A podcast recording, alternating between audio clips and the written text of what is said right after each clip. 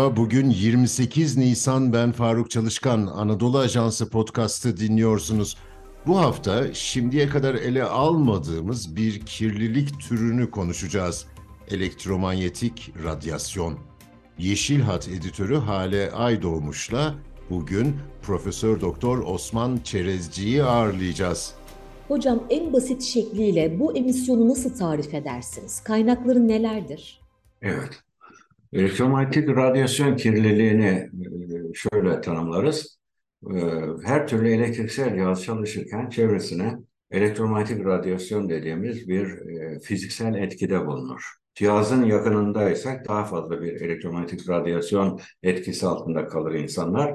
Uzaklaştıkça o etki daha da zayıflar. Yani mesafenin ile çok ters orantılıdır, karesiyle ters orantılıdır diyebiliriz. Elektromanyetik radyasyon iyonize olmayan radyasyon olarak tanımlanıyor. Yani nükleer radyasyon kelimesine insanlar çok e, tabii ki korkutucu bir kelime olarak yaklaşıyorlar. Tabii ki hepimiz öyleyiz. Çünkü iyonize radyasyon olduğuna, nükleer radyasyon yani vücudumuza çarptığında hücreden e, elektronları koparabiliyor. Yani iyonlaştırma yapıyor ve DNA hasarları yapabiliyor ve ölümcül oluyor tabii ki.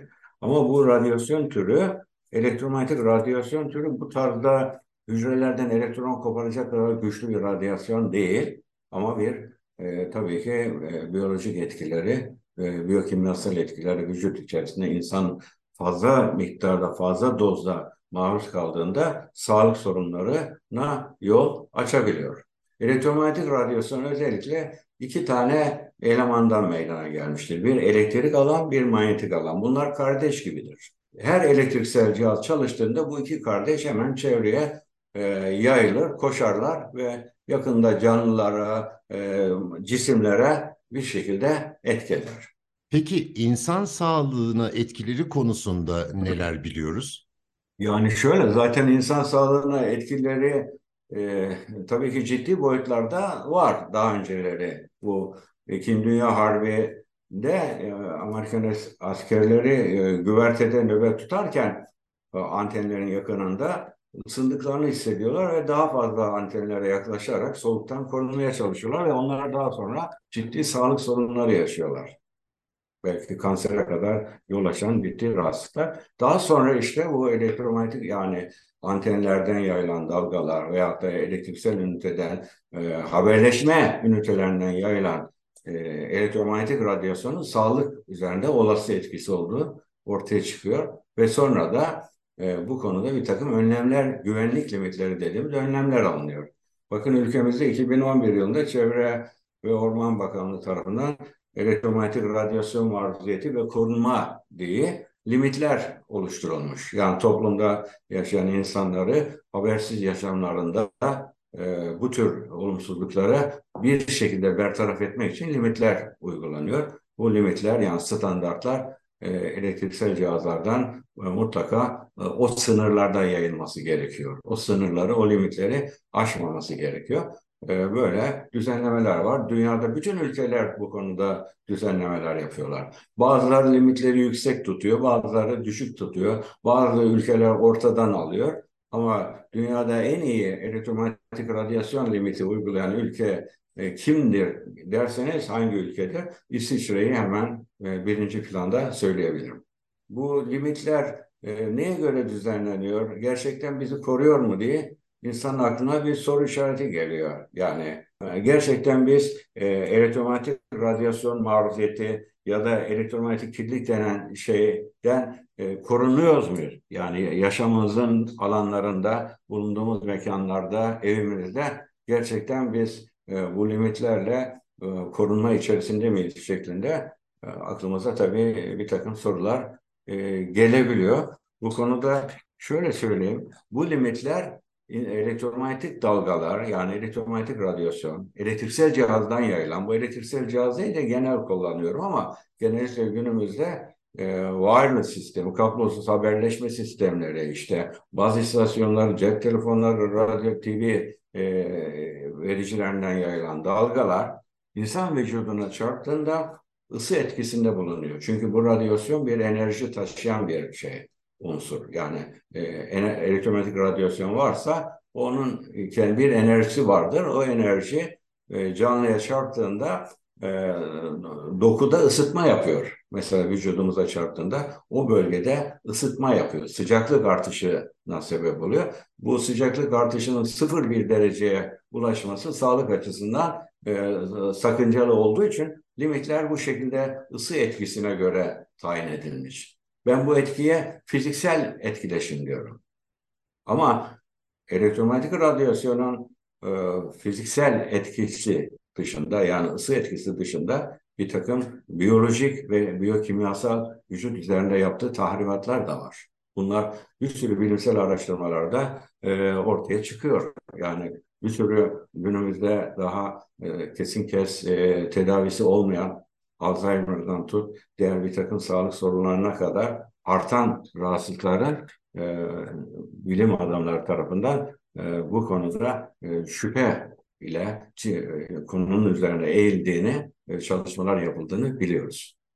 Hocam siz tarif edince tabii kaynaklarından özellikle bahsettiğinizde ne kadar evet. önlem alınsa da e, kurtulamayız. Kurtulmak mümkün görünmüyor. Peki evet. ne yapalım? Ne yapmak Kurtul lazım? Ama o şöyle birincisi de hükümetimiz, devletimiz bir limit tayin etmiş. O limitlere göre vatandaşlardan e, günlük yaşamlarında e, alınması gereken sınırları belirlemiş. Yani e, sıcaklık artışını kontrol edici bir e, şey olarak, limit parametresi olarak.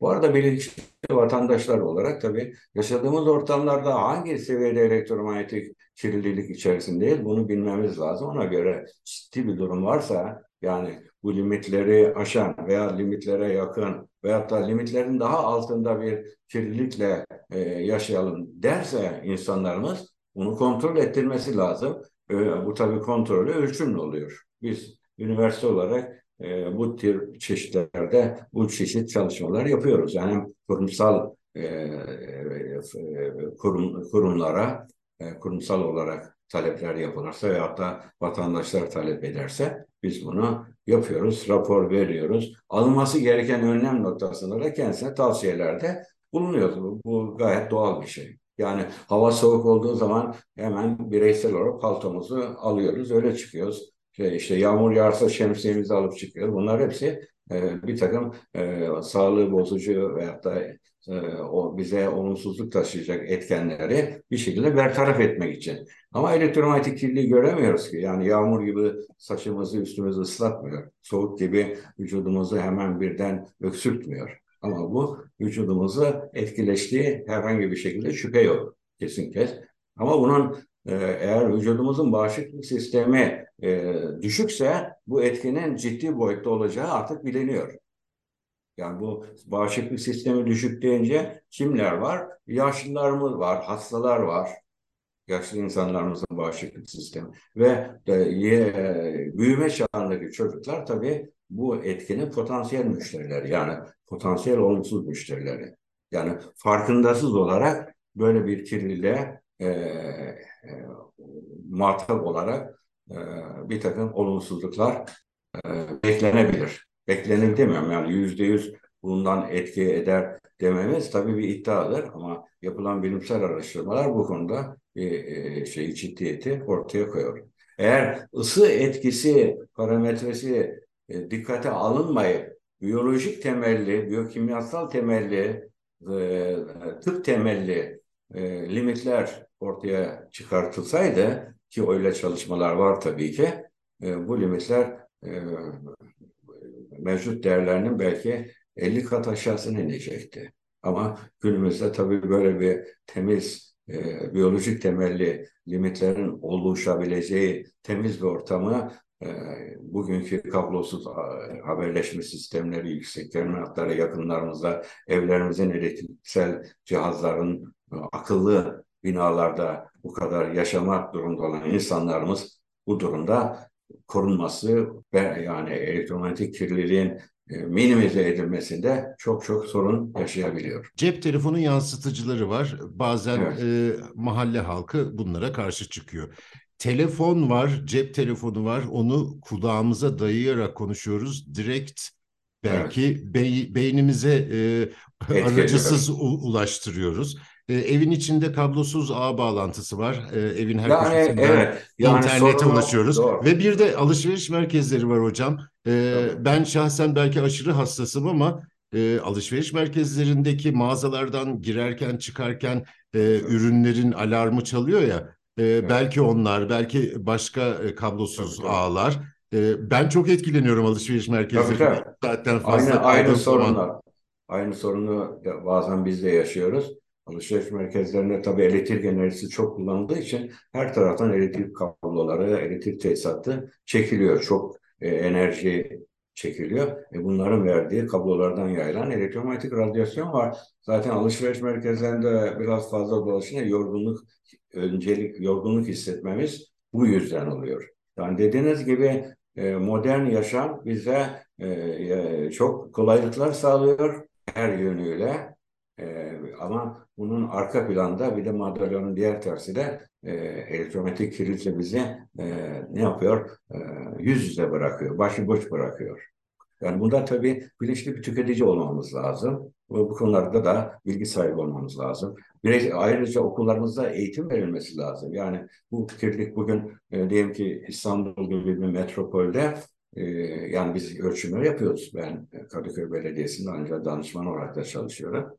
Diğer belediyelerde Maltepe Belediyesi'nde, Ataşehir'de vesaire çok çalışmalar yaptık Bursa'da. Ee, elde ettiğimiz veriler bize gösteriyor ki elektromanyetik kirlilik yani siz bir bardağa önce bir yudum e, koyuyorsunuz. Sonra e, musluğun altında damlayı tuttuğunuzda yavaş yavaş senelerce onun artış trendini görebiliyorsunuz. Elektromanyetik kirlilikte böyle bir şey. Yani bu kaçınılmaz kabul ama burada e, ne kadar az maruz kalırsak o kadar e, vücudumuza etki edecek fiziksel e, parametre o kadar az olacak. Yani bir savaş bu. Öyle söyleyelim. Ama bunu e, sinirsel veyahut da e, bir e, ruhsal bir e, bozukluğa e, saptamamak lazım. Yani bir saplantı haline de tabii getirmemek gerekir. Yani bu da bir gerçek.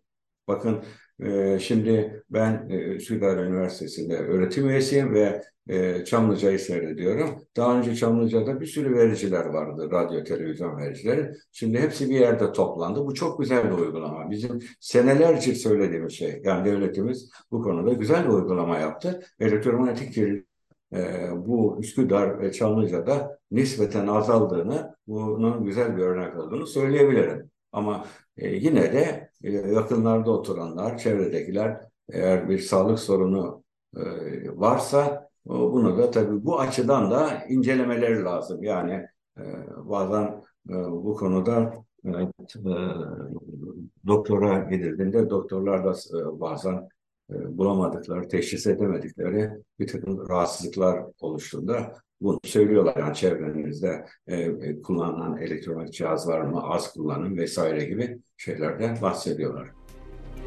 Profesör Doktor Osman Çerezci'ye ve Yeşil Hat editörü Hale Aydoğmuş'a teşekkür ediyorum. Bizi hangi mecrada dinliyorsanız orada abone olmayı lütfen unutmayın. Hoşça kalın.